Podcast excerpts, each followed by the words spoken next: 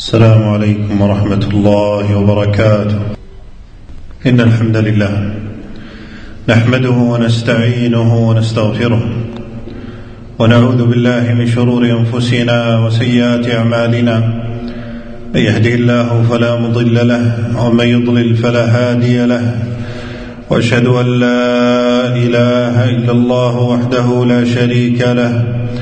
وأشهد أن محمدا عبده ورسوله. أما بعد فإن أصدق الحديث كلام الله وخير الهدي هدي محمد صلى الله عليه وسلم وشر الأمور محدثاتها وكل محدثة بدعة وكل بدعة ضلالة وكل ضلالة في النار. أما بعد عباد الله فإن الأعمال الصالحة تتفاوت في فضلها عند الله تفاوتا عظيما ومن أفضل الأعمال الصالحة وأكثرها أجرا بناء المساجد إيمانا واحتسابا وعمارتها بالطاعات والاعتناء بها فإن المساجد بيوت الله في أرضه.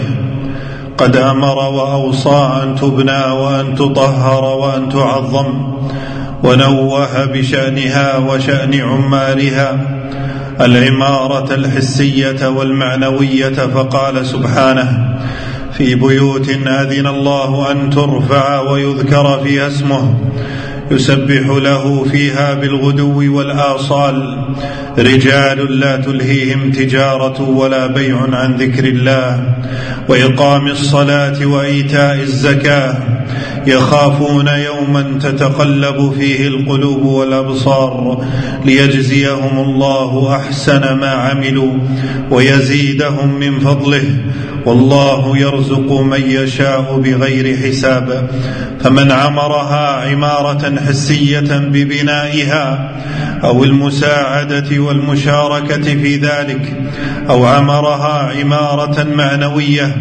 بعبادة الله فيها وهو ممن آمن بالله واليوم الآخر. قال تعالى إنما يعمر مساجد الله من آمن بالله واليوم الآخر وأقام الصلاة وآتى الزكاة ولم يخش إلا الله فعسى أولئك أن يكونوا من المهتدين ومن اجتهد في بنائها أو أشرف عليها أو ساهم في البناء بنى الله عز وجل له بيتا في الجنة وعظم الجزاء يدل على عظم فضل العمل فما ظنك بمسكن طيب ببيت في جنة الرحمن؟ عن عثمان بن عفان رضي الله عنه عنه أنه قال إني سمعت رسول الله صلى الله عليه وسلم يقول من بنى لله مسجدا يبتغي به وجه الله بنى الله له بيتا في الجنة وعمارة المساجد والسعي فيها يجري أجرها على العبد بعد موته. قال صلى الله عليه وسلم إن مما يلحق المؤمن من عمله وحسناته بعد موته علما نشره وولدا صالحا تركه ومصحفا ورثه أو مسجدا بناه أو بيتا لابن السبيل بناه أو نهرا أجراه أو صدقة أخرجها من ماله في صحته وحياته تلحقه من بعد موته.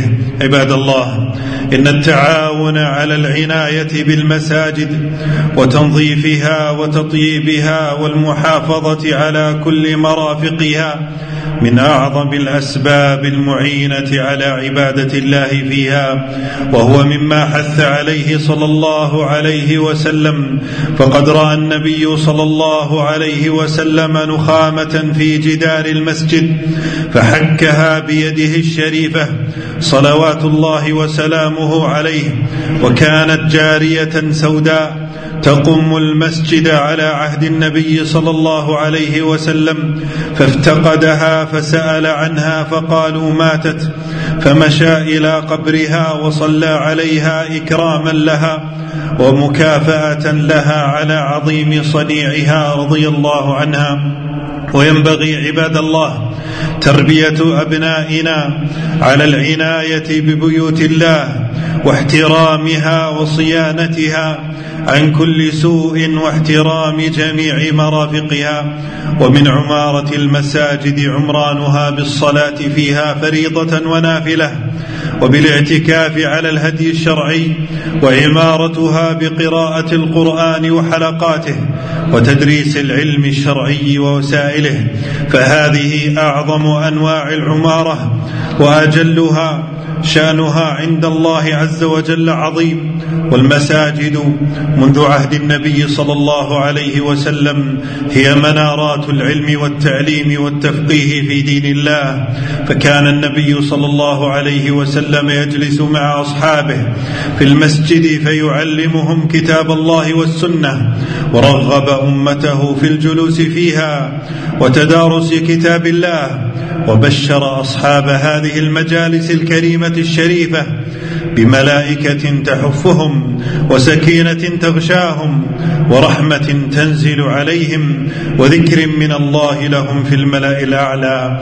ألا فهنيئا لمن عمر بيتا لله يبتغي بذلك وجه الله وهنيئا لمن ساهم في بنائها ولو بالقليل وهنيئا لمن كان من عمارها بالصلاة والذكر وقراءة القرآن لا ترى قلوبهم إلا معلقة بها أولئك في ظل الله يوم لا ظل إلا ظله أقول ما تسمعون وأستغفر الله العظيم لي ولكم من كل ذنب فاستغفروه إنه هو الغفور الرحيم. الحمد لله الصلاة والسلام على رسول الله وعلى آله وصحبه ومن اتبع هداه. أما بعد فأوصيكم عباد الله ونفسي بتقوى الله.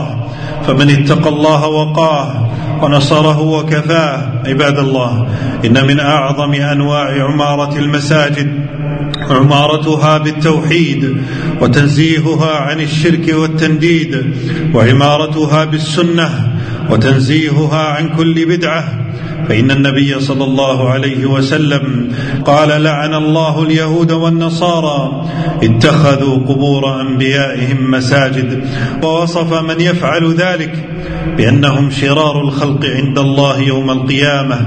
وما هدم النبي صلى الله عليه وسلم مسجد الضرار إلا لأنه كان مرصدا لتفريق المسلمين وسببا من أسباب الفتن قطعه صلى الله عليه وسلم عن أمته. كما يجب أن يعلم الناس أن المساجد أقيمت لذكر الله تعالى فيجب صونها عن البيع والشراء في حدودها ولو بالهاتف والسؤال عن المفقودات فيها فلم تبنى المساجد لذلك وعلى المصلين أن يحضروا إلى الصلاة في أحسن هيئة وثياب.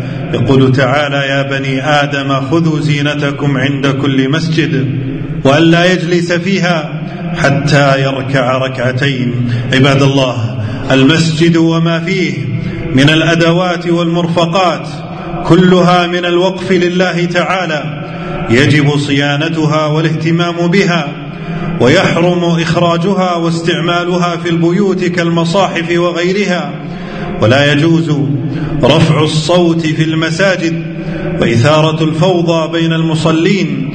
بوب الإمام البخاري رحمه الله في صحيحه باب رفع الصوت في المساجد وأورد فيه عن السائب بن يزيد قال كنت قائما في المسجد فحصبني رجل فنظرت فإذا عمر بن الخطاب فقال اذهب فاتني بهذين فجئته بهما قال من أنتما أو من أين أنتما قال من أهل الطائف قال لو كنتما من أهل البلد لأوجعتكما ترفعان أصواتكما في مسجد رسول الله صلى الله عليه وسلم اللهم إنا نسألك العفو والعافية في الدنيا والآخرة ربنا آتنا في الدنيا حسنة وفي الآخرة حسنة. وقنا عذاب النار. اللهم اغفر للمؤمنين والمؤمنات والمسلمين والمسلمات الأحياء منهم والأموات. ربنا اغفر لنا ولوالدينا. وصلى الله وسلم وبارك على نبينا محمد.